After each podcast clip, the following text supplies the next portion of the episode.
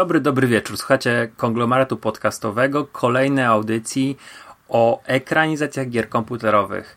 Jest po tej stronie mikrofonu Marek Wyszyński. Cześć Marek. Cześć Rafał, witam wszystkich słuchaczy. No i ja, Siciński Rafał.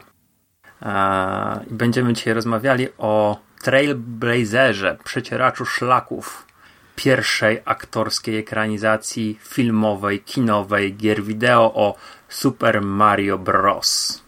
Ale zanim będziemy mówili o filmie, no to tradycyjnie chwilę porozmawiamy sobie o grach. Postać Mario powstała mm, dzięki wyobraźni Shigeru Miremoto w 1981 roku a przy okazji gry, której, którą projektował gry Donkey Kong, e, Shigeru Miyamoto wymyślił mm, no właśnie Mario. Tam chyba nie był jeszcze Mario hydraulikiem, no ale już mniej więcej miał swoją postać. Później w 80 o ile dobrze kojarzę, w 80 chyba trzecim powstała gra e, Mario Bros. Albo, znaczy no, automaty to była albo jednoosobowa, albo dwuosobowa mm -hmm. gra, gdzie się w takich kanałach zbijało kraby i, i, i żółwiki. No a później w 85 to jest e, również nasz rocznik. E, nas prowadzących powstała gra Super Mario Bros., która zawojała świat. E, powstała specjalnie pod e, Nintendo Entertainment System, NES u nas w Polsce znany jako Pegasus mm -hmm. i stał się Mario w tamtym momencie no, światowym fenomenem. I czy ty grałeś w Super Mario Bros? E, tak, pewnie. I tak jak wspomniałeś przed chwilą Pegasusa, e, to tak wyglądała moja pierwsza styczność i strzelam, że ona wyglądała bardzo podobnie dla całej masy dzieciaków w naszym kraju, które były urodzone w latach 80. W którymś momencie tam na początku lat 90. pod choinką pojawił się Pegasus, e, a, w, a razem z tym Pegasusem Cartridge 168 w jednym i tam było Super Mario Bros. I, więc tak, grałem jak mhm. najbardziej. E, I to była moja jedyna styczność przez dłuższy czas, a potem miałem okazję, się będę trochę przechwalał, wybrać się z rodzicami do Holandii, gdzieś tam później w latach dziewięćdziesiątych. E, I tam miałem takiego kumpla, który miał telewizor w swoim pokoju i do niego podpiętego SNESa. Takiego prawdziwego SNESa. Mm. I tam już były, i tam już były kolejne części Mario. Także E, tak, grałem zawsze. Nigdy nie byłem wielkim fanem, ale od samego początku mojej przygody z grami komputerowymi Mario gdzieś tam się przewijał. A jak to było u ciebie? No tak, bo na Super Nintendo wyszedł, o ile dobrze kojarzę, Super Mario World i Super Mario World miał chyba e, oprócz tego z tej nowej gry Super Mario World zawierał też y, trzy pierwsze części, z czego druga chyba, która się nigdy nie pojawiła mm, na NES-a w Europie. Mhm. Dobrze mówię? Tak, tak, tak pamiętam, że tak było. Tak Super mi się Mario Bros, wydaje. Super Mario Bros. 2 i Super Mario Bros. 3 e, tam wyszły. Wiesz co, ja pamiętam 90 chyba to był e, trzeci rok e, Gwiazdka albo, albo właśnie Sylwester. Byłem u, u, u mojej chrzestnej e, jej dzieciaki dostały właśnie na Gwiazdkę mhm Mm, Pegasusa i tam miałem pierwszy kontakt z Super Mario, bardzo krótki, bo gdzieś tam bardziej mnie wtedy jarały te e, gry na pistolet e, świetne. No bo to wiadomo, wtedy miałem 7, powiedzmy 7-8 lat, to, to jednak e, gdzieś tam bardziej e, w tę stronę. Mm, ale pamiętam później, że już czasach yy, pokomunijnych naszych, czyli w 1994 roku bardzo dużo dzieciaków wtedy na komunie dostało Pegasusa i do kogo bym nie poszedł, to ten bardzo popularny cartridge, który wspomniałeś, 168 in one e, był w każdym zestawie i tam było właśnie Mario Contra. I, i chociaż ja byłem w, w tamtym czasie większym fanem Mario Bros. Nie Super Mario Bros, bo Super Mario Bros było ciężką grą. Tutaj trzeba powiedzieć, że w ogóle Mario 2D e, mm-hmm. te, te, te, to były ciężkie gry. I ja nigdy żadnego dwuwymiarowego Mario nie skończyłem. Ja się przyznaję, ja nigdy. Znaczy wiesz co, na Pegasusie chyba mi się udało dojść do planszy z Bowserem, ale dlatego, że tam miałeś tryby, w których mogłeś sobie włączyć więcej żyć, uruchomić konkretny mhm. świat i tak dalej. Więc tak, ja widziałem jakby to, nazwijmy to w cudzysłowie, w cudzysłowie, przepraszam, zakończenie, mhm. gry, natomiast nie, nigdy całej gry od początku do końca nie przeszedłem. Podejrzałem ją sobie na YouTubie parę lat temu, te końcowe poziomy, które no nie sądzę, żebym im podobał nawet dzisiaj. No tak, tak, tam jeszcze były te skróty, warp zony przecież tak, były, dokładnie. tam się mogłeś przenieść w którymś tam momencie do, ominąć trzeci, czwarty i wyskoczyć już w piątym. Były takie, takie rzeczy, które gdzieś tam te takie knify się sprzedawało na podwórku i, i rzeczywiście e, byłem świadkiem, gdzie tam ktoś e, przeskakiwał sobie, no ja byłem właśnie w tę grę bardzo słaby, nie miałem też nigdy tak, żeby Pegasusa u siebie w domu na dłużej, żeby móc sobie w tę grę pograć, jak, e, żeby ją masterować, powiedzmy. Mhm. E, i, I właśnie dużo lepiej bawiłem się w tą podstawową wersję. No a później mamy lata 90., 96 rok i Mario wszedł w 3D, e, mhm. ale to już wybiegamy w czasy poekranizacyjne. Mm, pierwszą ekranizacją Mario była, była, było anime z, 90, z 1986 roku w reżyserii Masami Haty i było to e, anime tylko dostępne w Japonii. Nigdy nie wyszło poza świat. Lipiec 86 e, rok, premiera chyba kinowa. Mhm. Dopiero mm. ekranizację przygód braci Mario mogliśmy obejrzeć e, w takim no, e, serialu animowano-aktorskim, który powstawał na przełomie lat 89 i 90 roku. Nazywał się The Super Mario Bros. Super Show. Nie wiem, czy ty go kojarzysz? Jest to kojarzę. To było tak, że w, oni w naszym świecie byli aktorami i przenosili mhm. się do no do świata Bowsera i, i, i Peach, tak? I to wtedy była część animowana. Z tego, z, coś takiego kojarzę. Nie wiem, czy w tej chwili nie opowiadam głupot, ale coś takiego pamiętam, że oni mieli swoje mieszkanie, w którym byli aktorami, a później tak, to się zamieniało w kreskówkę. Tak. To wiesz co, to chyba nawet jakaś stacja nasza telewizyjna pokazywała. Polsat 2 na pewno o, to puszczał na Kojarzę, że ja to oglądałem z, w polskiej wersji, tak, z jakimś lektorem, więc kojarzę, ale ale no jakoś nigdy w tym, jakoś nie oglądałem tego strasznie dużo. Pamiętam, że było i pamiętam, że parę odcinków widziałem. Chyba, chyba 52 odcinki, nie mam tego w notatkach, ale y, Mario grał Lu Albano, a Luigiego grał Danny West. No ja ich tych aktorów tak specjalnie nie, nie znam. Albano nie ma jakiejś pokaźnej filmografii, no trochę inaczej to wygląda z Danny Wellesem. Obaj aktorzy już odeszli, ale Danny Wallace to też jest raczej osoba, aktor, który gdzieś tam grał e, no, no drugie plany, tak? Tutaj nie, nie, jakiejś takiej spektakularnej, dużej roli nie miał.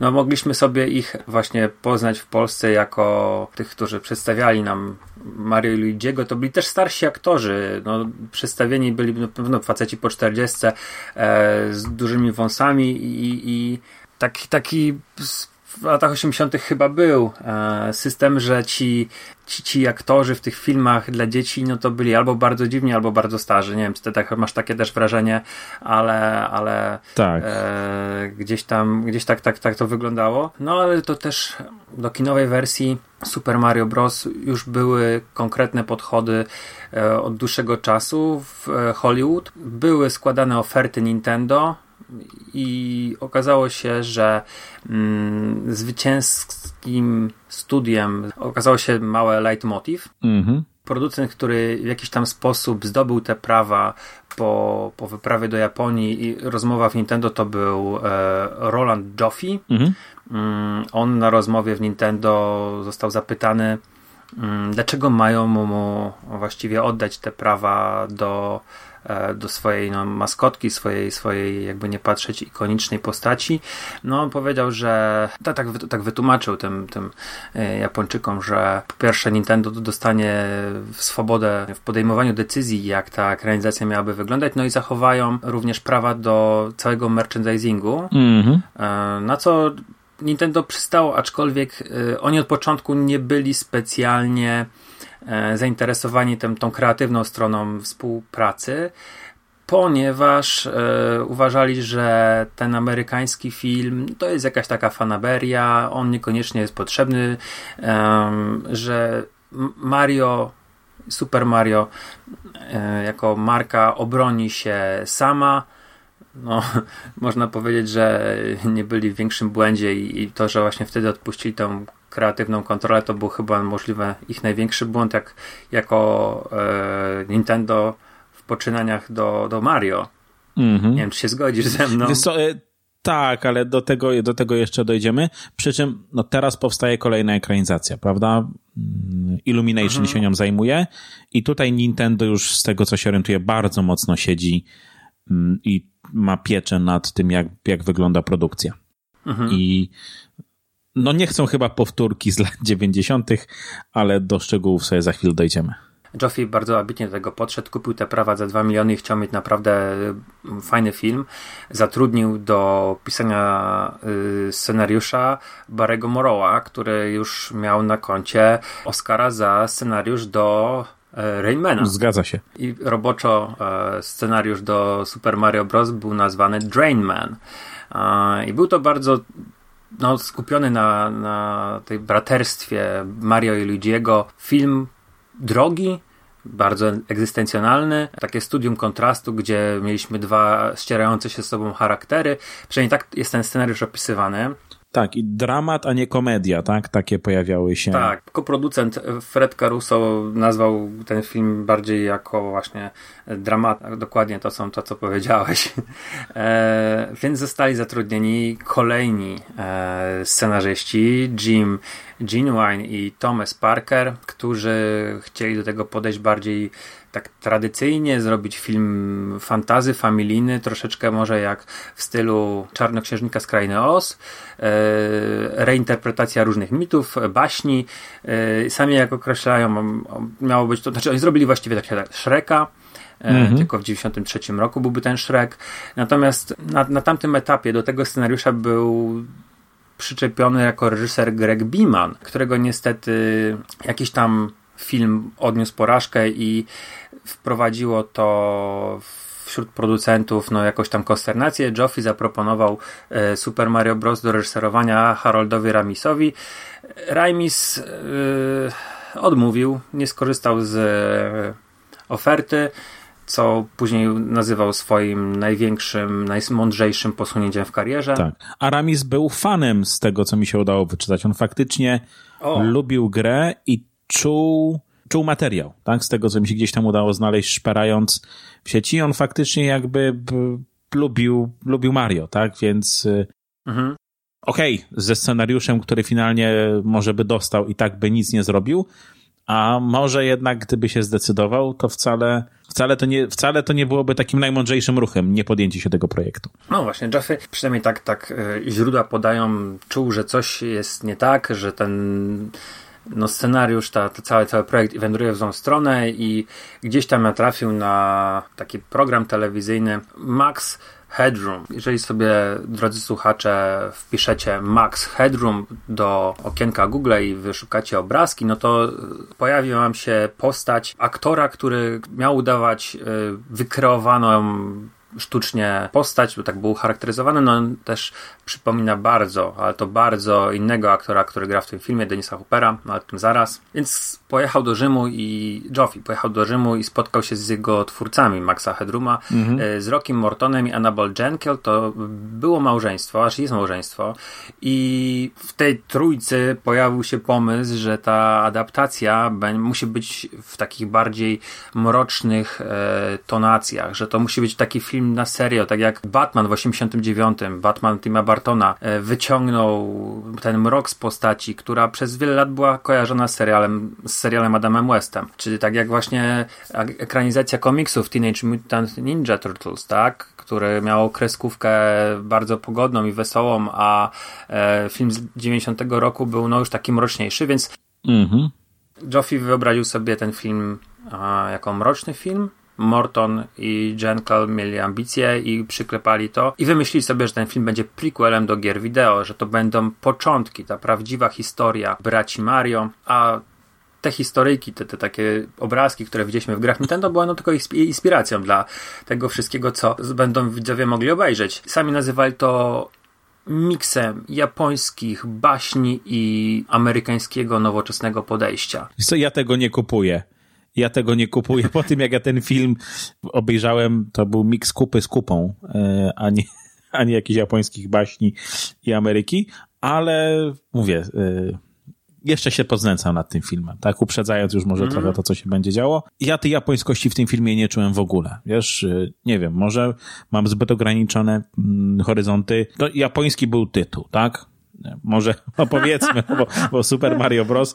i tu moim zdaniem wpływy japońskości się kończyły. Zatrudniono kolejną parę reżyserów, scenarzystów. Parker Bennett i Terry Ranty mieli właśnie stworzyć taki balans między komedią fantazy, a właśnie tymi mroczniejszymi tonami inspirowali się filmem, tak jak Bennett mówi, Ghostbusters. Celowali w ten rodzaj humoru, w ten rodzaj właśnie dziwności, ten rodzaj, ten, ten rodzaj przedstawiony w Ghostbusters tego mroku. I mimo tego, że im się całkiem nieźle współpracowało z reżyserami, producenci stwierdzili, że no jednak ich zwolnią i zatrudnili parę brytyjskich pisarzy, scenarzystów, Dicka Clementa i Jana La Francisa, którzy mieli jednak wprowadzić bardziej dojrzałe i kobiece tony do tej historii, więc wyciągnięto trochę te postaci Leny i księżniczki Daisy, Daisy mm -hmm. jakoś dopisali tak,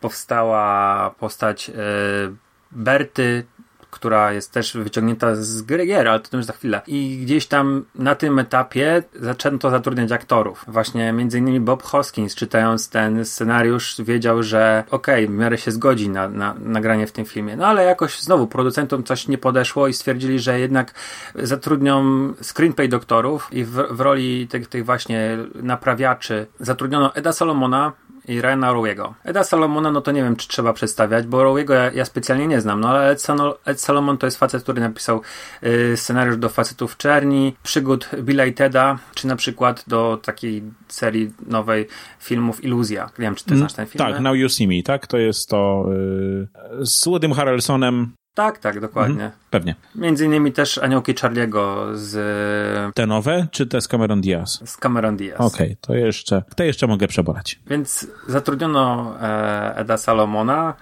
i tutaj tutaj mi się komplikuje, bo notatki są coraz bardziej y, przypominają w ogóle jakąś tutaj, jakąś plan konspiracji, bo gdzieś na tym etapie pojawia się Disney, który wykupił międzynarodowe prawa do dystrybucji, dystrybucji. tego filmu jako mm -hmm. Hollywood Pictures. To była, to była firma, która gdzieś tam sobie należała do Disneya i Disney zaczął naciskać na e, bardziej family friendly content. E, musieli złagodzić ten film, i nie za bardzo wiem, czy na tym etapie odpadł Rowie, a na pewno Solomon został, jeszcze kilka tygodni pracował do dopieszczał ten scenariusz, natomiast bez zaproszenia, bez yy, jakiegoś porozumienia z producentami na planie Wilmington pojawili się Bennett i Ranty, którzy, jak, jak, jak, słuchacze pamiętają, to przed 10 minutami oni, oni byli no, jeszcze przed tymi Brytyjczykami zatrudnieni mm -hmm. i oni zostali z miejsca zatrudnieni i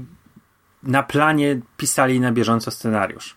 Więc w momencie, kiedy do Wilmington przyjechali aktorzy, to dostali zupełnie nowe scenariusze. W wielu, wielu, wielu kwestiach one się różniły z tym, co, co, na co się godzili, na co podpisywali swoje kontrakty. kontrakty. -hmm. A sam Joffy, producent tego filmu, powiedział, że według niego e, scenariusz nigdy nie był do końca e, skończony. Ten scenariusz powstawał na bieżąco, cały czas. On przechodził ustawiczną ewolucję, tak jak ten grzyb, który atakuje e, Dino... Dino Hatan. Tak to wyglądało, co w ogóle, jeżeli się tak sobie posłuchamy, to prawdopodobnie wiele filmów przechodzi podobne mm, gehenny, jeżeli chodzi o, o, o, zmiany scenarzystów. Wystarczy sobie wejść w jakieś takie gorsze mm. filmy, tej blockbusterowej widzimy, mamy czterech scenarzystów i już wtedy wiemy, że o, tutaj będzie śmierdzioch. Tak. E, natomiast to, co tam się działo w trakcie produkcji, to, że potrafili w ciągu jednego dnia napisać nowe sceny. To było codzienność, codzienność tych wszystkich aktorów, którzy tam występowali. Może chwilę skupmy się jeszcze na castingu, zanim przejdziemy. Mm-hmm. Bo ostatecznie Bob Hoskins gra Mario, Mario? Tak, i John Leguizamo, John Luigiego. Mario. Mario, przepraszam, tak, Luigiego Mario. To jest kluczowe. E, tak, i powiem ci, że ja byłem, okej, okay, może teraz z perspektywy czasu jestem zdziwiony, bo wtedy dużo ludzi wierzyło w ten projekt i no tutaj się przejawiały takie nazwiska jak Dustin Hoffman czy mm, Danny DeVito, którzy no byli kojarzeni z takimi mm, no, lekkimi motywami e, z filmami dla dzieci, no chociażby Hoffman miał Huka E, w którym zresztą grał mhm. razem z Hoskinsem. Natomiast e, totalnie mnie zaskoczyło, że Schwarzenegger czy Michael Keaton byli rozważani do roli kupy e, i obaj odrzucili. A co uważam, że w sumie było dobre, bo mnie się kupa w wydaniu Hoppera podoba, tak?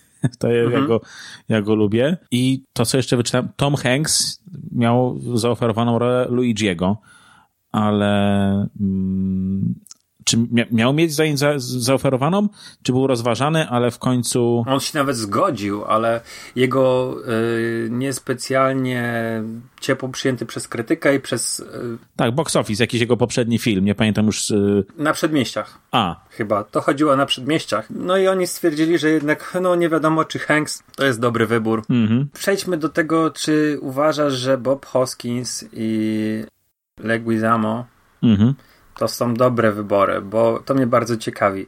Wiesz co? Hoskins tak. Szczerze, uważam, że Hoskins e, to była fajnie, e, fajnie obsadzona rola. E, wąs, który on wtedy miał już chyba nawet swój, tak? Nie zapuszczał specjalnie do filmu. To nie był jakiś tam prop. Pasował. Uważam, że to była niezła decyzja i jakby do, dobrze mi się myśli o, o Hoskinsie jako Mario. John Leguizamo jako Luigi, no nie. Nie do końca, ale to też chyba chodzi o to, jak ta postać była napisana i jaka była ta relacja czy dynamika pomiędzy tymi dwoma postaciami, tak? Pomiędzy Mario i, i Luigi. No i ten jego brak wąsa. Ja tutaj spróbowałem obejrzeć ten film z córką, która zagrywa się w Luigi's Mansion. Mm. No i ona mówi, nie, tu jest coś nie tak. Czemu Luigi nie ma wąsów, tak? I ona mówi, nie, to jest, ten film jest bez sensu, bo oni w ogóle nie wyglądają jak ci z gry. Czy konkretnie chodziło jej, jej o Luigiego, tak? Więc mówię, tu jakby uważam, że Leguizamo nie był szczególnie dobrym wyborem i on chyba podziela mój sentyment, że tak powiem, tak jak czytałem jego, jego wypowiedzi na temat filmu i na temat samej produkcji. Gdzieś tam um, była jakaś taka wypowiedź, yy, że w końcu mógł Latynos zagrać Włocha, bo do tej pory Włosi zawsze grali Latynosów. Właśnie Hoskins miał dwa, dwa filmy komediowe prze, za sobą. E, Kto wrobił Królika Rogera, gdzie był fantastyczny, no i Syreny, które jest, no jest też jest komedią romantyczną i też jest bardzo dobry. Natomiast on pasował i posturą, i pasował właśnie tak z samym fizis. Jeżeli chodzi o Luigiego, szczerze, ja nie jestem wielkim fanem tego aktora. Ja wiem, że e, on grał w dziesiątkach filmów uważanych za no, no, prawie albo kultowe, albo tak złe, że kultowe, bo był później Spawn, był ten Ziemia Żywych Trupów Romero, która nie była specjalnie udana, było Zdarzenie Szalajmana i, i on ma naprawdę jakąś tam dużą fanbazę. Ale Legizamo to są fajne drugie skrzypce, to nigdy nie jest ktoś, kto ciągnie film, kto ma tyle talentu, żeby film pociągnąć. Ja, wiesz co, ja go lubię na zasadzie takiej, okej, okay, on zawsze gdzieś tam jest. I to może nawet nie jest sympatia, tylko opatrzenie. Po prostu czego by się nie okay. wzięło z ostatnich 20-30 lat, to gdzieś tam Legizamo będzie w tle, tak? I, I to jest... Tak, tak. Przewija się naprawdę w wielu, wielu filmach i dla mnie chyba największym problemem właśnie castingowym jest Legizamo. Znaczy, to nie jest tak, że on nie ma tutaj charyzmy, tylko, że masz, masz rację, może ta postać jest napisana strasznie głupkowato, bo tutaj rzeczywiście mamy ten taki, takie jakby trochę odbicie lustrzane, a może inaczej, może mamy młodego Mokosa i, i, i takiego no już weterana, powiedzmy, hydraulika, który, którego tam niby charakteryzuje mądrość. No to jest taki, wiesz, buddy cop movie trochę, tak? To, no to, to, to była kalka, tak? Znaczy to była klisza, troszeczkę mam wrażenie z, z lat 80. i 90. i tutaj to po prostu pociągnęli nie wiem, tak się wtedy robiło scenariusze, tak? I jakby... No ale właśnie, mam problem z tym, że dla mnie Luigi Mario nie jest postacią sympatyczną, nie jest jakąś taką charyzmatycznym młodym bohaterem, który, którego bym lubił, za którym, no nie wiem, bym się e, w jakiś tam sposób, no nie wiem, ukibicował. Jako dorosły facet to mówię. Podejrzewam, że jako dziecko miałem bardzo podobne mhm. odczucie. On sprawia wrażenie takiego cwaniaczka. Tak jak, tak jak na niego patrzyłem, na te jego gesty, tak, na tą jego mimikę, to taki typowy makaroniarz cwaniaczek z filmów z tamtego okresu, nie? Okej, okay, to jest dobre spostrzeżenie. No dobra, no i mamy w roli króla kupy Denisa Hoopera, który, no nie wiem jakim to cudem się zgodził na to. To też jest aktor, który jest bardzo rozpoznawalny, bardzo, z bardzo wieloma rolami na koncie i to takimi naprawdę przeróżnymi, bo to i też kino eksploatacji, i czas apokalipsy, i przecież chociażby Lyncha, tak? No jego ikoniczne role w. Blue Velvet, tak. No Easy Rider, tak? Jakby kult po, po dziś dzień, który był w sumie jego debiutem tak naprawdę, tak?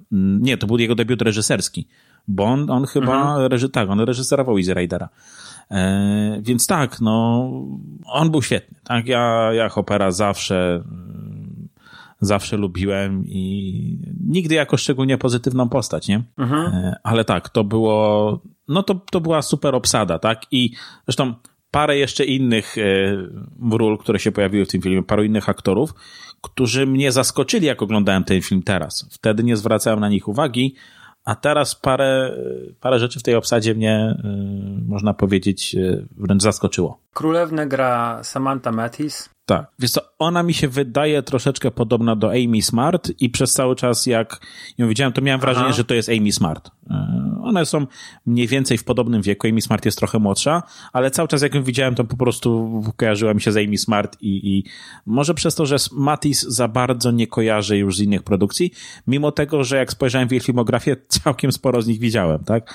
Ale no nigdy... No, Kinga była w, w Miasteczku Salem, tym miniserialu grała pod kopułą również. No tam się kojarzy, no bo my, my te, te, te wszystkie mm, Kingowe adaptacje przecież znamy. Ale właśnie, no Samantha Matis na tamtym etapie raczej nie była rozpoznawalną aktorką. Ty wspominałeś, że podobał ci się aktorzy, którzy grali Iggy'ego i Spike'a. Tak. Fisher Stevens i Richard Edson. Tak, no wiesz co, y, przy czym to też, mówię, to z perspektywy y, tej, tego, y, tego czasu, kiedy ten film oglądałem, no Stevens przewijał się, nie też tak samo jak Legizamo we wszystkim, co oglądałem przez ostatnie 20 czy 30 lat, tak? Mhm. Steven zawsze gdzieś tam, e, gdzieś tam się kręcił. No w ogóle dzisiaj się dopiero dowiedziałem, że on dostał Oscara i nie wiem na ile to zasługa scenariusza, a na ile to, że po prostu oni postanowili trochę popłynąć w tych rolach, e, ale uważam, że to ten ich duet jest jednym z jakby z najjaśniejszych punktów tego filmu i na pewno ciekawszym duetem niż e, Hoskins i Legizamo, tak? I mhm. ja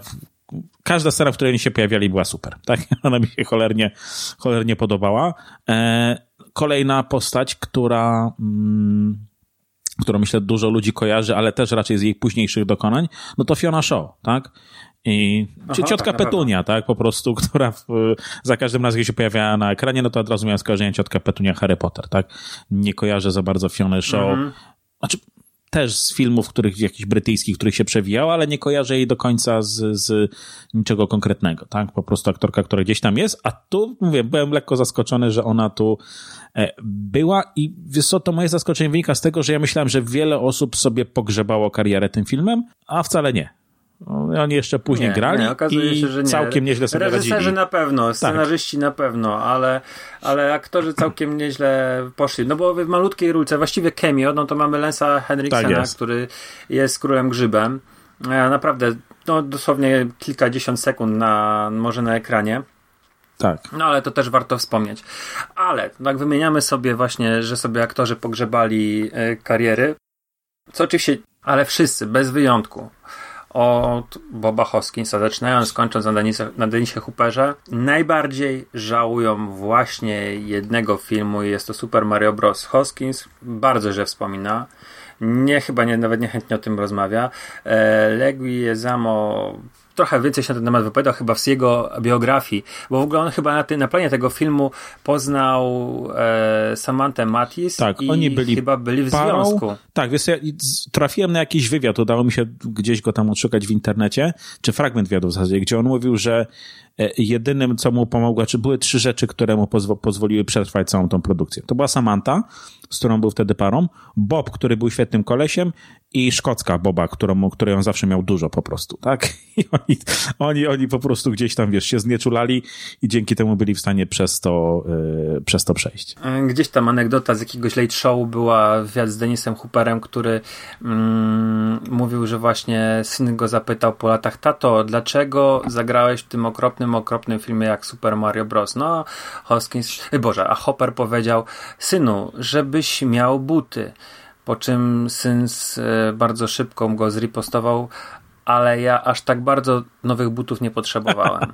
Tutaj mamy obraz e, jakiejś takiej niechęci e, całej obsady i to nie wynika tylko z tego, że ten film jako film wyszedł zły, tylko samej... Cała produkcja była, była piekiełkiem. Mhm. Dokładnie. Warto zacząć od duetu Annabelle Jankel i Rocky Morton, którzy byli jakimiś control freakami. Sorry, że używam takiego amerykańskiego e, sformułowania. Nie za bardzo umiem je odnaleźć w języku polskim, mhm. ale po prostu wprowadzali tam jakiś takiego rodzaju terroru, e, nikomu nie wierzyli, nikomu nie ufali, pojawiały się te zmiany ciągle w scenariuszu. Oni poza tym potrafili ze sobą nie rozmawiać, bo kłócili się i, i na planie pewne decyzje nie zapadały, bo była jakaś taka dziwna atmosfera, gdzie no, małżeństwo ze sobą nie rozmawia albo kłócą się jakąś scenę. Poza tym wszyscy pili. Tak. To tak jak wspomniałeś, Hoskins właściwie w każdej, w każdej scenie był nawalony. W jednej scenie podobno e, to jest tej, która się dzieje w Nowym Jorku, gdzie jadą samochodem. Jakbyś znał, prowadził po pijanemu i w tej scenie te przesuwane drzwi w tej takiej ciężarówce mhm. przytrzasnęły dłoń Hoskinsowi. U. Tam się naprawdę dużo rzeczy działo takich niefajnych, e, toksycznych i, i Marku, powiedz słuchaczom, o czym jest ten film? I wiesz co, tak przestajmy mówić o tych toksycznych rzeczach, powiedzmy o, o tym toksycznym obrazie. Dokładnie. Wiesz co, powiem ci, że wiem, że to przedstawienie fabuły będzie jakby mi przepadało w tym naszym cyklu i za każdym razem trochę mnie to boli, bo fabuły w większości z tych filmów są po prostu durne, tak samo jak i gier, y, z których się wywodzą.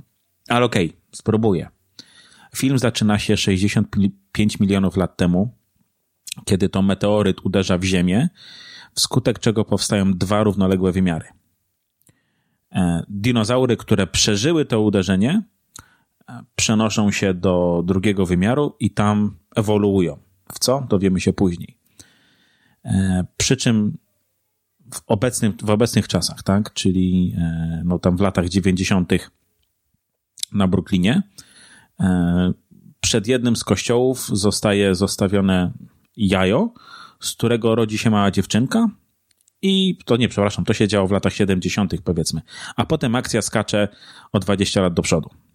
I poznajemy naszych protagonistów, Mario, Mario i Luigi'ego Mario, których relacja, muszę przyznać, nie jest mi do końca mm, jakby jasna, czy to są bracia, czy to jest jednak y, jakiś y, ojciec i przybrany syn.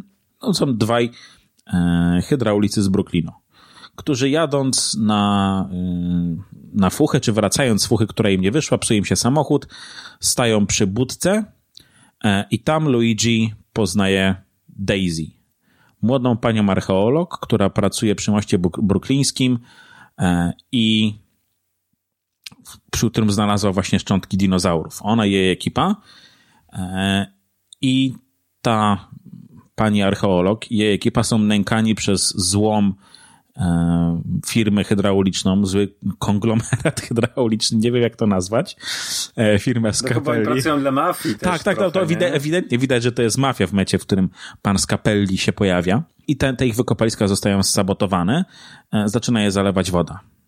W związku z czym Mario i Luigi szybko naprawiają tą, tą usterkę, udaje im się zatamować to, to zalanie, ale księżniczka Daisy, przepraszam, Daisy, bo jeszcze nie księżniczka, zostaje porwana przez wspomnianych już wcześniej Igiego i Spike'a, dwóch przygłupów, którzy działają na zlecenie niejakiego kupy. Zostaje porwana i uprowadzona do innego wymiaru, w którym, e, tak jak już wspomniałem wcześniej, były dinozaury, które wyewoluowały w istoty człowiekopodobne. No i Mario i Luigi podążają za nimi, chcąc uratować Daisy. E, no i teraz pytanie, czy mam mówić co dalej, streszczać całą fabułę? E, no, trafiają do powiedzmy mrocznego odpowiednika e, Manhattanu, takiego bardzo posępnego, mm, brzydkiego, którym rządzi zły kupa. Tak? W tej roli już wspomniany wcześniej Dennis Hopper. No i starają się uratować y, Daisy, a przy okazji cały świat jeden z no, totalnie oklepanych motywów e, wielu filmów i gier.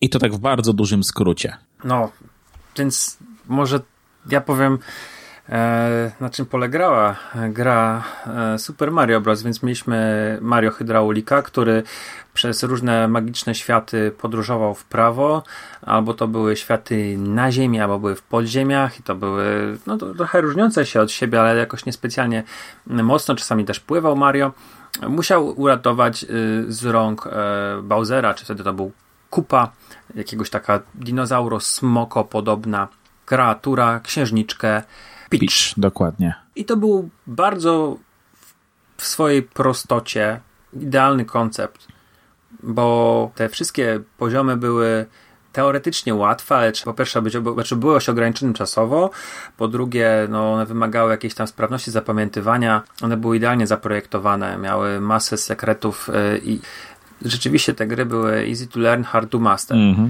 E, więc to była bardzo prosta przygoda w jakiejś fantastycznej krainie e, z różnymi śmiesznymi stworkami. Były grzybki, które się jadło i się zwiększało. Mario, jakieś takie gumba które były, no nie wiem, jakimiś takimi dziwnymi żabami, żaba, żabogrzybami. E, były żółwie, były atakujące chmurki, były rybki atakujące, no, y, wychodzące z rur kanalizacyjnych e, takie drapieżne roślinki. Wszystko to raczej było w konwencji gry dla dzieci, mimo że trudnej, tak. E, ale no, ciężko powiedzieć, żeby to było coś, co chociażby w jakikolwiek sposób sugerowało mm, dorosłe treści. Mhm.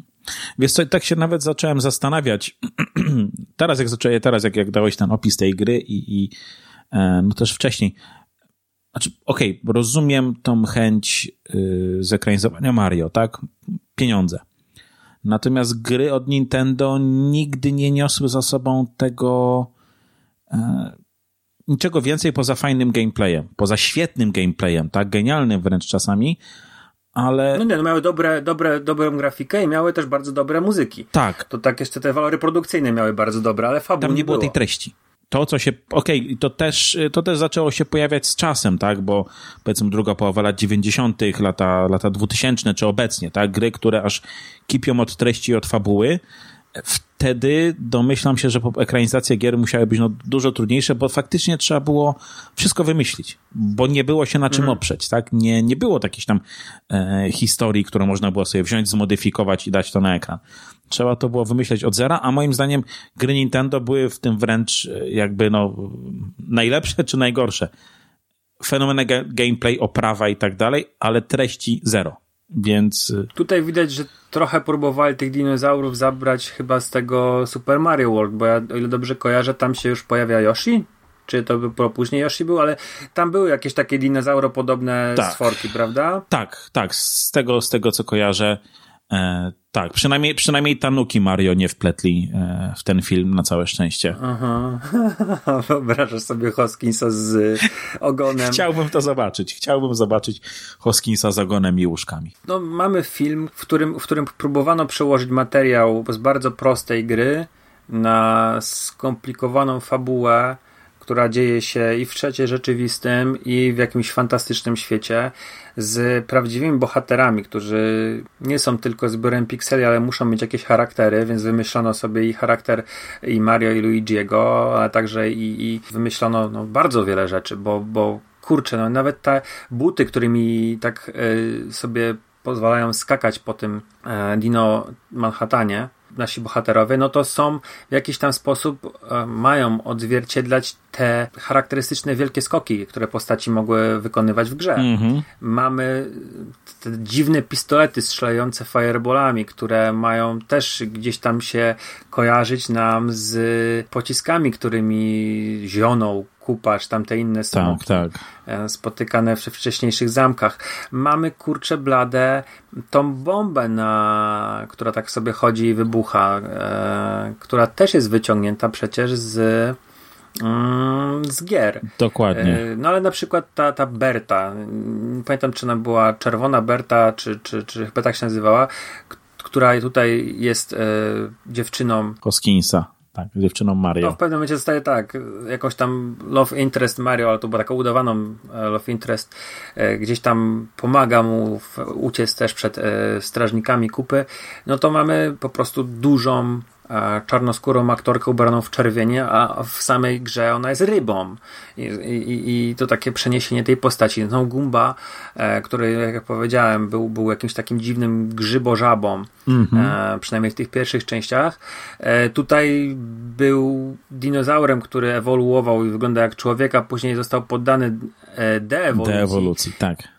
Tak, i wygląda no karykaturalnie ma. Jest to, jest to wielkie, wielkie ciało z jakąś taką śmieszną, malutką główką. Między innymi właśnie y, postać, która jest znana z gier, y, która tam gdzieś tam pomaga przez y, większość gier Mario, Toad, no to jest jednym z tych takich, którzy zostali deewoluowani i to jest ten taki właśnie jeden z gumbasów, który pomaga. Tak, i ma, ma harmonijkę ustną. No i jest jeszcze mały raptor, Yoshi, tak? Nie wiem, jak go, jak go inaczej e, określić. Przy tym e, w tym filmie, ja oglądałem wersję lektorską, Yoshi jest dziewczyną.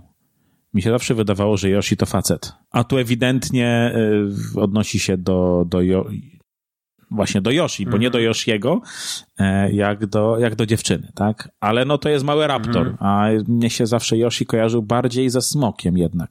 Jakimś takim malutkim, ale jednak smokiem. Jasne. Ja, wiesz co, tutaj ja byłem bardzo zdziwiony, że oni zdecydowali się naprawdę na, taki, na takie przedstawienie tego dinozaura, bo, bo jakby nie patrzeć, to, to cała reszta nie wygląda dinopodobnie.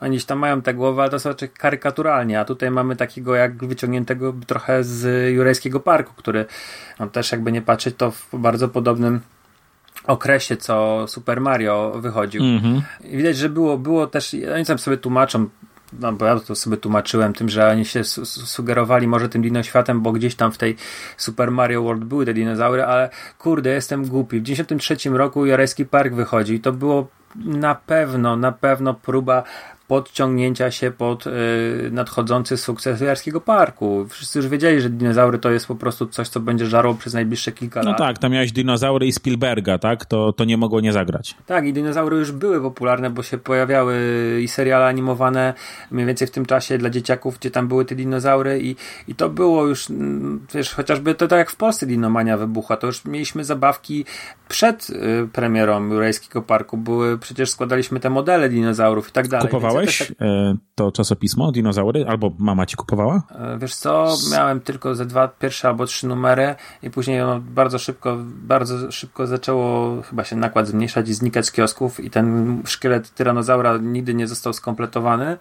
Ale natomiast są takie inne albumy, dalej gdzieś zresztą mam. Mhm takie bardziej encyklopedyczne, gdzie, gdzie są te jakieś takie różne przekroje i tak dalej, ale miałem trochę fazę na dinozaury i zresztą moimi dinozaurami bawi się nadal moja córka, bo te moje zabawki zostały w piwnicy mm -hmm. i mhm. mamy na działce całą reklamówkę dinozaurów i Godzilli e, z tamtego okresu e, moich i się bawimy w różne scenariusze. Także tak, jeszcze jeżeli to chcesz zapytać, to bawię się dinozaurami cały czas. Mam 35 lat i bawię się dinozaurami. Ja muszę, ja muszę zobaczyć, czy ja gdzieś mam jeszcze ten model, bo on świecił w ciemności. On był... Tak, świecił w ciemności. Tak, mnie się udało go złożyć całego. Wiesz, jakimś cudem. Mieliśmy zaprzyjaźniony kiosk, w którym były wszystkie te e, mhm. te były po prostu od, odkładane, tak? Tak wtedy wyglądały prenumeraty. Jeśli się nie chciało płacić z góry za teczki, całość. No. E, tak były teczki w kiosku e, i faktycznie udało mi się złożyć e, całego dinozaura. Super. Ale powiem ci, że tam na 20 stycznia, gdzie ty mieszkałeś, jest rzeczywiście, no nie wiem, czy to ten, ten sam kiosk, ale ten, tam na przykład dostałem ten tysięczny numer Kaczora Donalda. Tam w tym kiosku były zawsze takie różne rzeczy, których nie mogłem dostać gdzie indziej, a tam szedłem i ta babieczka miała cały czas. Dobra. Powspominamy sobie w innym, w innym Odpłynęliśmy jak ludzie na, na planie tego filmu. Więc ten film w jakiś tam sposób próbował przenieść elementy znane z gier, ale Pamiętasz w ogóle swoją styczność z tym filmem? Bo ja ją pamiętam, to, to był 94 rok, jestem tego pewien, że to były jakieś wakacje albo Dzień Dziecka i ta kaseta się pojawiła i wszyscy byli strasznie, ta sama w ogóle, ta sama, to samo mieszkanie, te same dzieciaki, które pierwszy raz jak grałem w Super Mario, czyli mm -hmm. w mhm. mojej chrzestnej. E, byliśmy strasznie zajarani, e, że będziemy ten film oglądali i wiecie, e, drodzy słuchacze, no był wtedy jeden telewizor, więc oglądali z nami również nasi rodzice, którzy sobie tam za naszymi plecami jakąś imprezkę robili i Autentycznie, ja pamiętam to, że wszyscy byliśmy skonsternowani. Dzieciaki nie. My się śmialiśmy jako dzieci z gumbasów, że tam o Mario, Mario, Luigi, Mario, ha, ha, ha, ha. ha.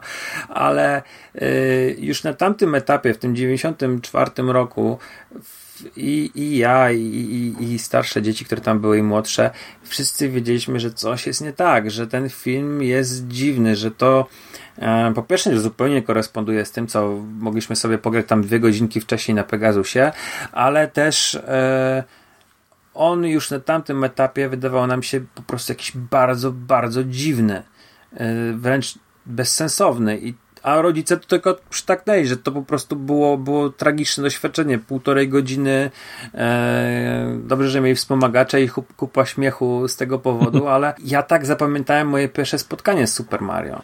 Wiesz co, ja tak sobie myślałem, że my już parę seansów kiepskich filmów e, przy jakimś piwku mieliśmy. E, I to jest film, który by się idealnie nadawał na coś takiego, tak? To nie jest film, który można bez wspomagaczy przyjąć, mam wrażenie. I moja pierwsza styczność, ja, ja pamiętam, że go oglądałem sam. Nie pamiętam, czy miałem, wiesz, taki luksus jak magnetowid w, w swoim pokoju wtedy, bo miałem taki etap w życiu. Jakiś taki totalnie stary, gdzie pół godziny się najpierw regulowało głowicę, żeby cokolwiek obejrzeć, czy po prostu, nie wiem, rodzice poszli się zająć czymś innym, obejrzałem go sam i przez cały czas pamiętam, może wiesz, to nie, nie dosłownie, ale to było takie, co to jest? To nie jest Mario. Gdzie będzie, gdzie będzie to, co, co ja widziałem w grze, tak? I to tak przez cały czas e, pamiętam takie rozczarowanie, bo ja czekałem na, na Mario z gier. Ja czekałem na ten świat z gier mhm. i przez to nawet nie wiem, czy nie półtorej, czy nawet nie bliżej 100 minut tego nie dostałem, tak? Ja jeszcze wtedy, wiesz, nie kojarzyłem Yoshiego, e, i, i paru tam innych, e, innych motywów. Po prostu dla mnie to by skakał sobie ludzik i, i ewentualnie rósł na, na grzybkach i tyle, tak? Więc jeszcze takie wielu nawiązań, które tam się pojawiają, wtedy nie wyłapałem. Przy czym one no, są na siłę i, i no, ta pierwsza styczność była e, no, była dziwna i była zła, tak? Ja ten film, ja tego filmu dobrze nie wspominałem przez lata i ja wróciłem do niego dopiero teraz. Dopiero teraz, przygotowując się do tego odcinka. Wyparłem go. E, no dobra, a powiedzmy, załóżmy, że yy, nigdy nie graliśmy w gry. Siadasz sobie do tego filmu i umiałbyś, umiałbyś teraz w tym momencie e, jakiś tam sposób odsiąść te swoje wcześniejsze doświadczenia i ocenić ten film czy on jest jako samodzielny twór, mhm. opowiadający jakąkolwiek historię, jest, jest spoko? Wiesz co? Okej, okay, postaram się, się odciąć. Y, z jednej strony mam wrażenie, że ten film jest tak zły, że aż dobry. Y, I bo on zyskał status jakiegoś kultowego przez, przez te wszystkie lata i część z tego wynika z tego, że on jest tak, tak zły, że aż dobry, przy czym są elementy, które w tym filmie grają, tak, o dziwo. E, I myślę, że odcinając się od wszystkiego, tej swojej historii i od, e, od znajomości Mario, ja bym temu filmowi dorzucił ze dwa oczka spokojnie do, do oceny. Także o, wiesz co, to się da obejrzeć. To się da, to się da obejrzeć, mimo tego, że to jest, to jest zła produkcja, to się daje obejrzeć i wyłapać e, kilka fajnych, moim zdaniem, elementów. A, a... No to i tak jesteś dużo bardziej łaskawy niż ja, szczerze mówiąc. Ten, ten film, tak jak powiedziałeś, on ma status kultowego, ma całą społeczność i stronę wielką. Super Mario Bros. The Movie Archive, gdzie jest po prostu masa rzeczy. Mhm. Masa. Jeżeli jesteście zainteresowani tym filmem, to tam jest... Yy dziesiątki, dziesiątki różnych ciekawych e, rzeczy, począwszy od wyciętych scen, e, jakichś raportów z planu, wywiadów, e, no, no tam znajdziecie absolutnie wszystko. Ona nie jest już jakiś czas e, aktualizowana, ale e, no, no musimy sobie też powiedzieć, że e, no, no, ten film miał premierę 17, prawie 18 lat temu i, i już pewnych rzeczy no już nie da się bardziej wygrzebać. 27, może to Rafał, projekt... 27, nie 17. Boże, 27. No. 27, tak. I on jest projektem skończonym ta strona, ale tam naprawdę, jeżeli jesteście zainteresowani, to możecie sobie wejść i, i znaleźć naprawdę e, masę, masę rzeczy.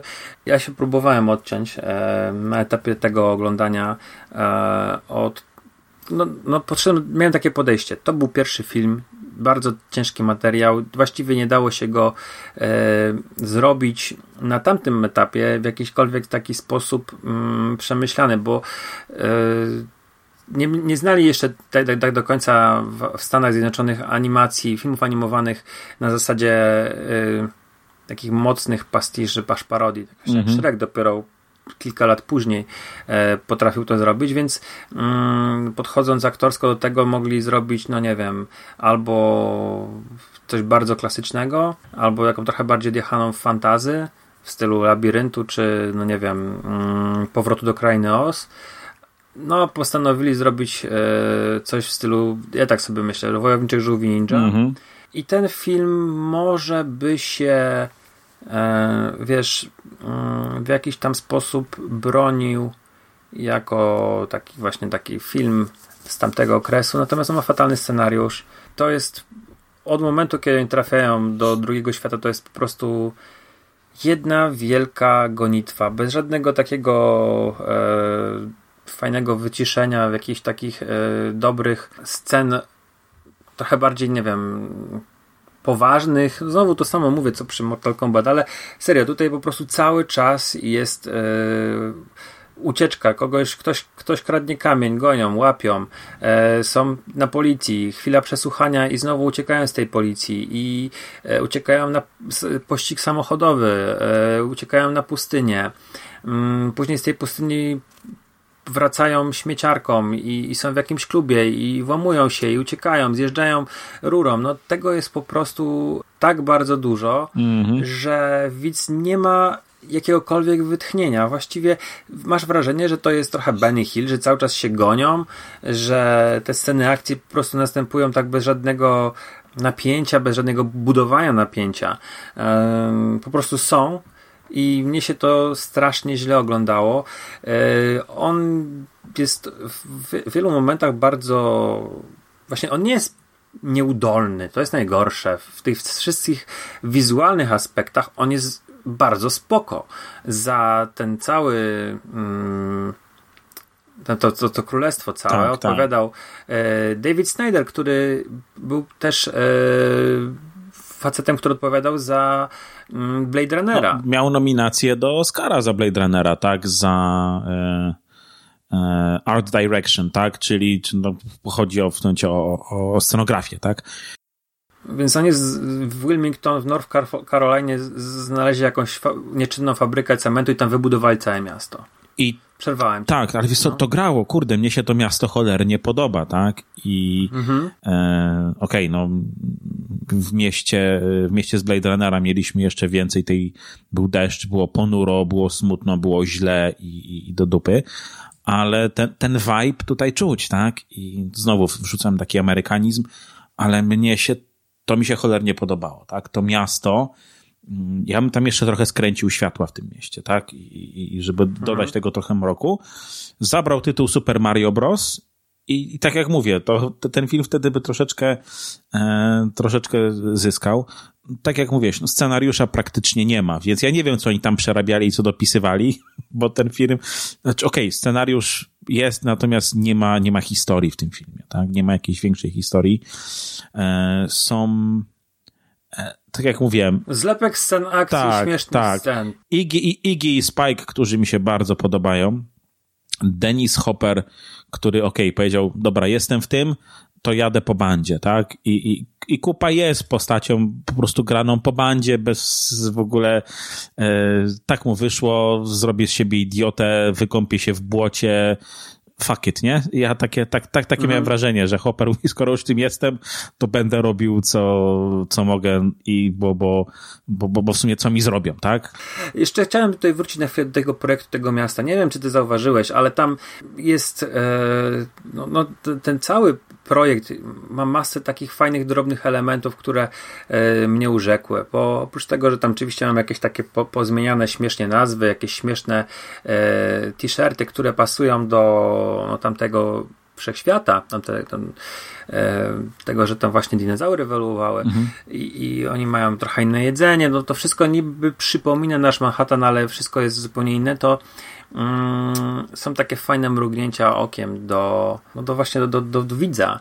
I to jest na pewno mrugnięcie do widza dorosłego, bo Dennis Hopper ma na swoim koncie teksańską masakrę piłą łańcuchową 2, gdzie yy, no jest no film przede wszystkim po, po, po pierwszej części, która była horrorem, to druga część no była, no ciężko ją określić, że nie jest yy, komedią, jest bardziej, ma, no bardziej komediowy sznyt ma i on tam gra mm, porucznika Leftiego Enrighta i w tym Dino Manhattanie, Dino Tanie, czy tam, mm -hmm. coś tam no w każdym razie w Królestwie Grzybów e, są takie wielkie billboardy z właśnie kupą z tą piłą spalinową. Przecież to jest żywcem wyciągnięty Dennis Hooper z teksańskiej masakry piłą Machine 2, czego nie miało absolutnie prawa widzieć 12 czy tam 8 czy 10 latki, które poszłyby na ten film z rodzicami do kina. Mhm. Tak, faktycznie Ameryka, która jest na potęgę yy, purytańska i bardzo dba o takie rzeczy, nie pozwoliły pewnie na to. No, faktycznie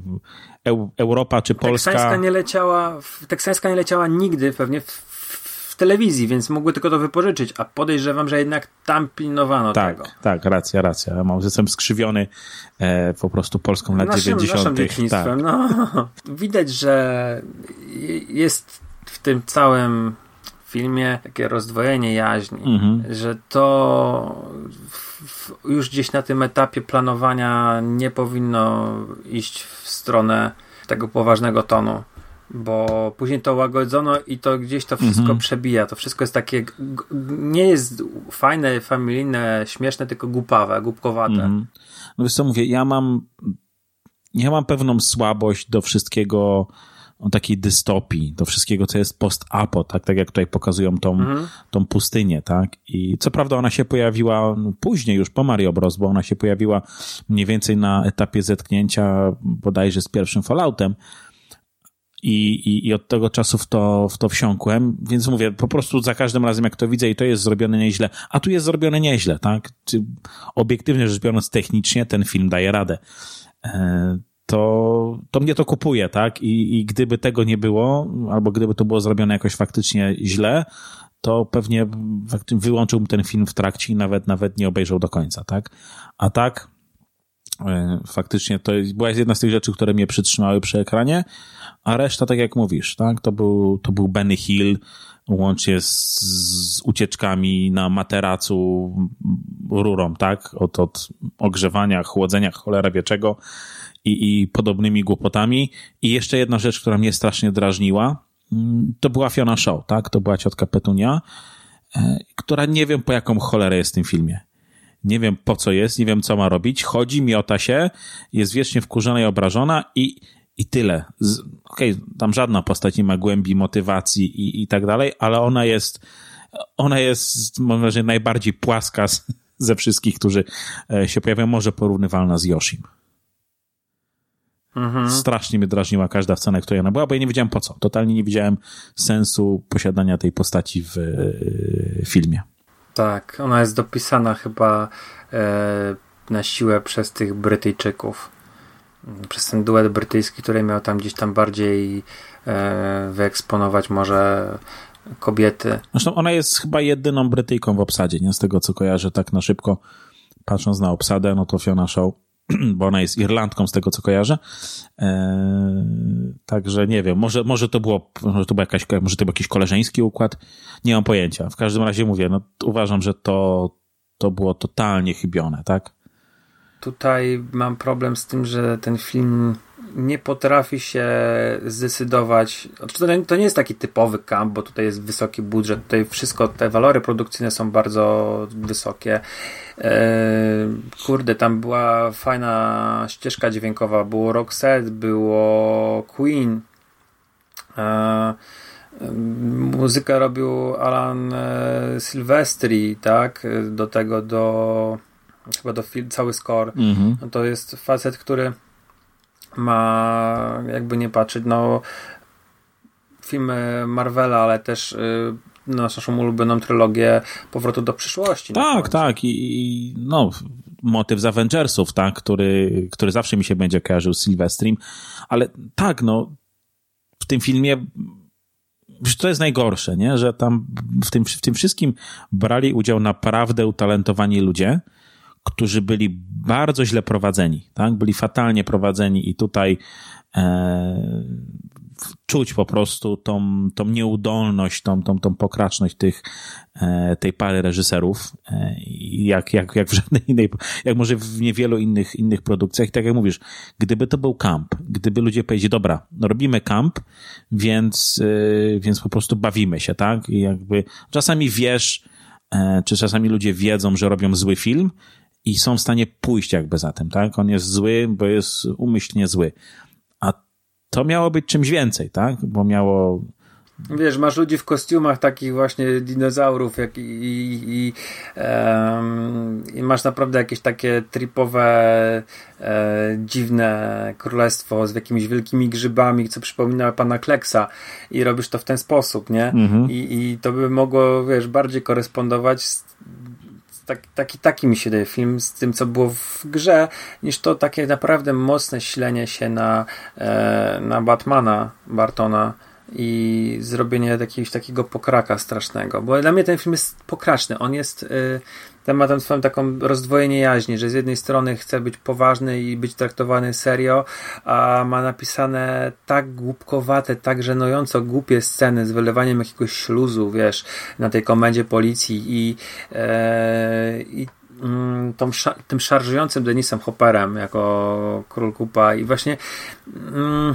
Wiesz, ja nawet miałem jakoś tak, jak, jak oni podjeżdżali na ten posterunek ja miałem jakieś skojarzenia, kurde, z, z Carpenterem, wiesz, nie wiem, jakiś, jakiś, jakimś atakiem na posterunek, po prostu wiem, jak oni, sam, sam ten moment podjeżdżania na, tą, na ten posterunek, na tą komendę, on był, mówię, kurde, to jest fajne, to jest fajna scena, to jest dobrze zrobione, to fajnie wygląda, sam ten posterunek też nie wyglądał źle, tylko mówię, czemu to się nazywa Mario, nie? Czemu w ogóle cały czas mówimy o tym w kontekście, w kontekście Mario, bo mówię, no, są takie rzeczy, które mówię, kurde, to jest fajne, ktoś tutaj faktycznie zrobił swoją robotę dobrze i reżyser mu tego nie spieprzył, nie?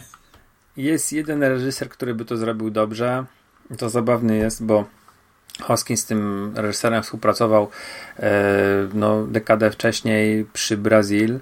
Mówię o te, tak, Terry Gilliamie mhm. i wydaje mi się, że taki Mario od Terry'ego Gilliama, wiesz, z, z taką wyobraźnią plastyczną jego ekipy, ale też z umiejętnością poprowadzenia takich właśnie właśnie dziwactw, dziwnych rzeczy, tak. E, jakie on właśnie robił w tamtym okresie, no bo przygody Barona Munchausena, tak, chociażby, e, czy, czy właśnie Brazil, gdzie mm, w Brazil też mamy dystopię, tak. I, i obnażenie tak. takich mhm. dziwnych, y, wiesz, administracyjnych, śmiesznych rzeczy.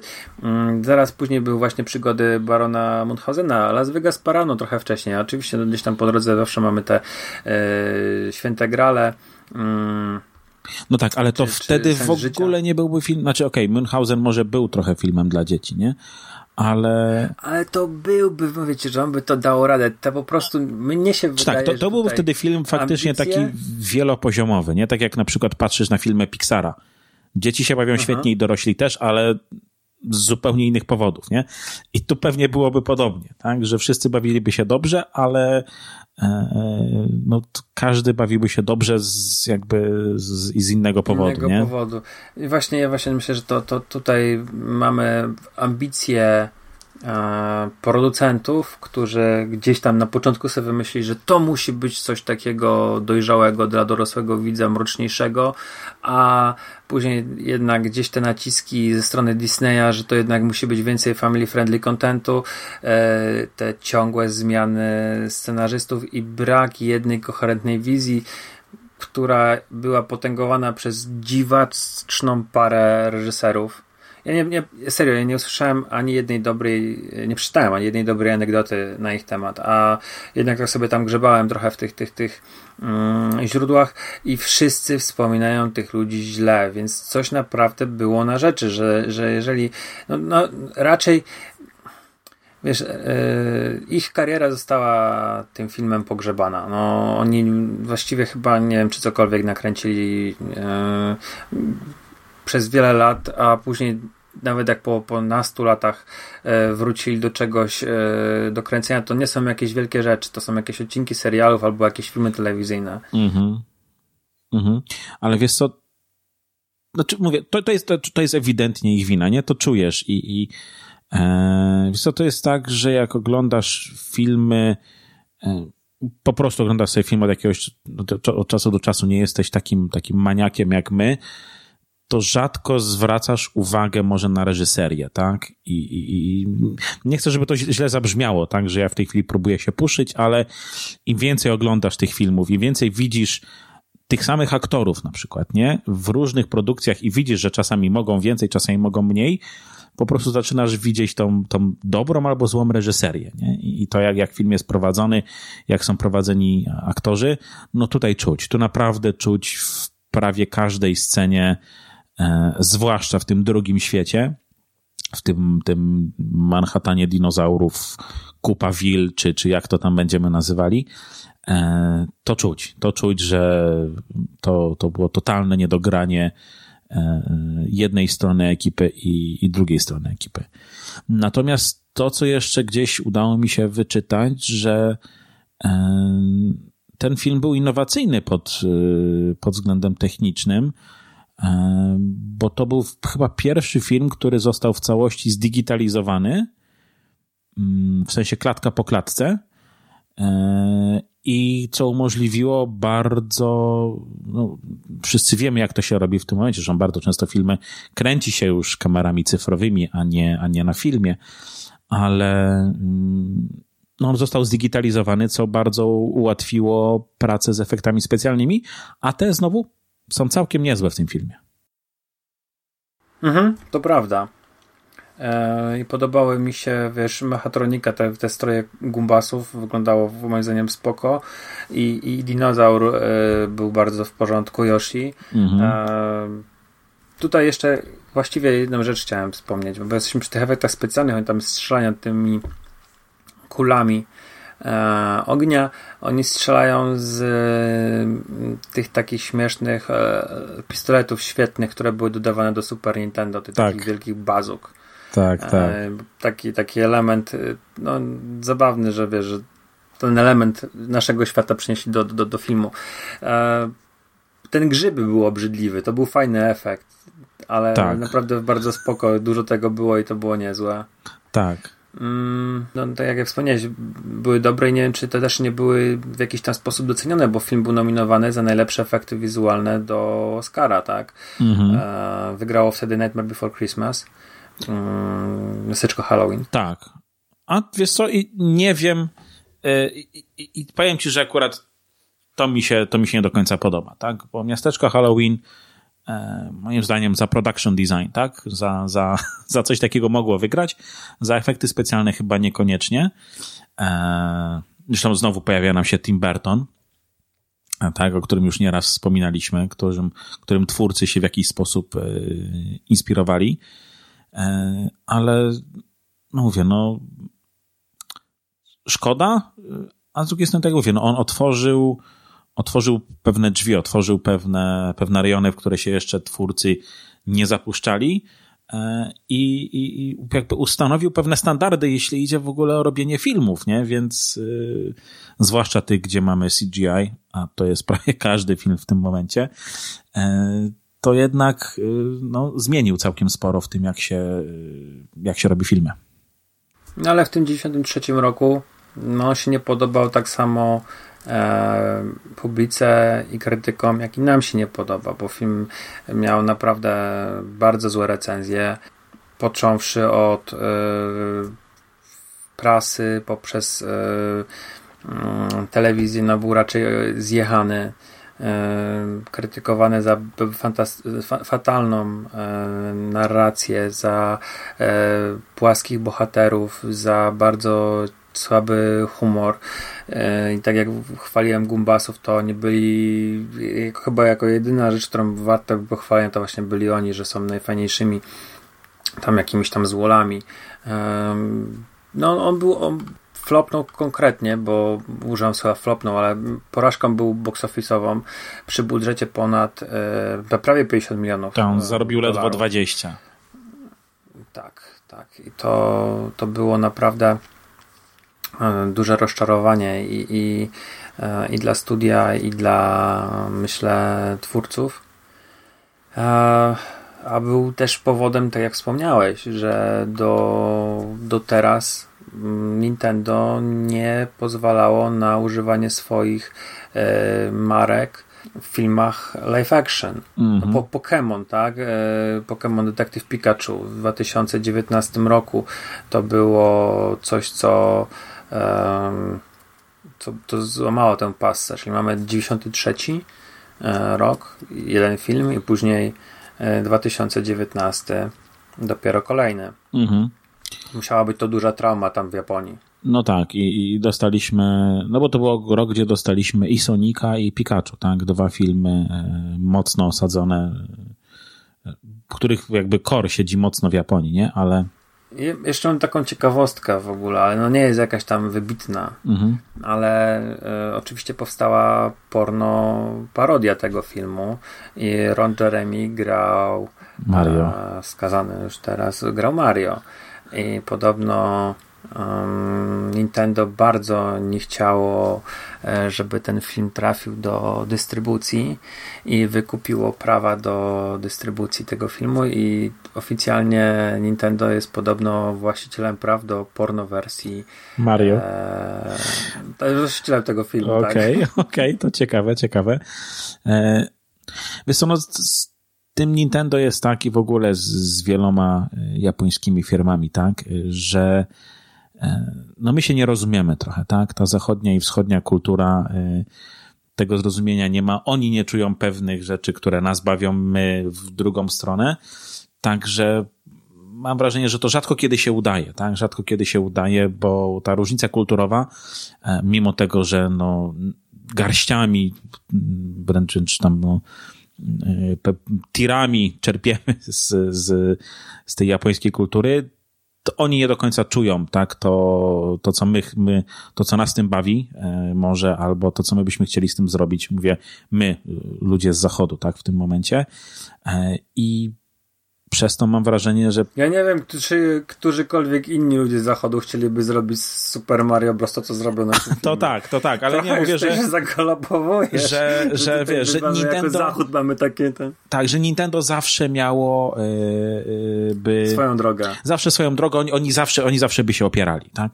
Że Nintendo zawsze by się opierało E, i Nintendo jest bardzo przywiązane do swojej własności intelektualnej i za każdym razem, jak ktoś próbuje nawet fanowsko coś zrobić i to jest dobre, to oni to i tak ubijają, tak? Mimo tego, że to, że, że to kupuje. Po prostu to jest, to jest pewna kultura, z jednej strony japońska, z drugiej strony kultura Nintendo konkretnie, tak? Korporacji. Tak, tej, tej mhm. konkretnej korporacji i e, super, że udało się z detektywem Pikachu, bo będziemy mogli zobaczyć więcej. Mam nadzieję całkiem sensownych y, produkcji opartych o ich, y, o ich gry. To tak podsumowując, jak oceniasz ten film ostatecznie? Tak bardzo, bardzo wiesz, w takim wiesz, skondensowanym. Co, y, nie, oceniamy w grzybkach może, nie? E, ja bym powiedział, że dałbym cztery grzybki na dziesięć, y, ale ja już do tego filmu nigdy nie wrócę chyba że okay. moja córa kiedyś będzie bardzo chciała, albo e, będziemy wspólnie na jakiejś imprezie e, z piwkiem, e, to może wtedy, tak? Ale sam świadomie do tego przeżycia już nie chcę wracać. Ja również tego filmu nigdy nie wrócę. Tam na plakacie jest, jeszcze tak słuchaczom powiem, że tam na plakacie jest, który promował ten film, jest tagline This ain't no game. I to jest zupełna prawda, bo ten film jest no, pierwszą ekranizacją, ale taką naprawdę e, bardzo, bardzo, bardzo naciągane jest to słowo, że ekranizacja gry wideo. E, ja dałbym trzy grzybki i podpisuję się pod tym, co ty powiedziałeś. Ja tego filmu już nie chcę oglądać. Mm, jestem w stanie w jakiś tam sposób też zrozumieć ten kult, co, po którym wspomniałeś i, i tak jak ja wspomniałem o tej stronie internetowej, ale ja mm, bardziej rozumiem kult filmów Eda Uda niż e, filmu Rockiego Mortona i Annabel Jankel, czy Jankel. Nie, niestrawny, e, pokraczny, z bardzo słabymi aktorskimi kreacjami i, i, i fatalną fabułą. W tym takim dziwnym rozkroku stojącym między wysokobudżetowym filmem a, a, e, jakąś taką pokraczną, wiesz, telewizyjną produkcją, z takimi żartami właśnie, jak, jak takiej telewizji dla dzieciaków, z, którą możesz oglądać, nie wiem, o 11 rano w takich właśnie dziwnych programach. Nie wiem, to dla mnie jest e, bardzo nieudana rzecz. Mhm. Ale widzisz, jeszcze tak już totalnie zamykając, y, udało mi się żeś tym dokopać do jakiejś takiej może nie anegdotki, tak, ale cytatu z e, Shigeru Miyamoto, tak, który o, no to... e, właśnie znowu wracając, wracając trochę do tej kultury. E, Miyamoto powiedział, że to był fajny projekt, widać, że wsadzili w niego dużo pracy i chyba za bardzo próbowali zbliżyć się do tego, e, czym były gry w tym filmie, tak? E. I że to był film o, o grze za bardzo, a nie, a nie był to, który jakby za bardzo chciał być blisko gry, a nie do końca był filmem, e, który był dobrą rozrywką. I to też jakby pokazuje tą kulturę, tak? Że oni nigdy nie powiedzą, słuchajcie, zrobiliście gówno, i teraz płacie nam odszkodowanie, nie? Oni tak grzecznie powiedzieli, że no tak, tak, prawda, no próbowaliście, very fun, e, ale, ale no może, może, może trzeba to było zrobić inaczej, tak? I, i może to, to, to w ten sposób możemy podsumować, tak? Że no okej, okay, no próbowali, może dało się to zrobić lepiej, a nie tak znęcać się nad tym filmem strasznie. To, to tak dla mnie trzy grzybki za, za próbowanie. Byli pierwsi to na pewno będą zapamiętani. Dziękuję Ci za tę rozmowę. Dzięki wielkie. Ja się żegnam. Dziękuję Ci jeszcze raz, Marku. Dzięki. Dzięki, Rafał, e, ogromne za, za te półtorej godziny i dzięki słuchaczom za cierpliwość.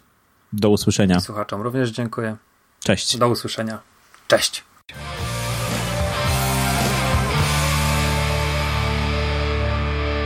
You finished? That's it, man. Game over, man. It's game over. What the fuck are we gonna do now? What are we gonna do? It's over. Nothing is over. Nothing. You just don't turn it off.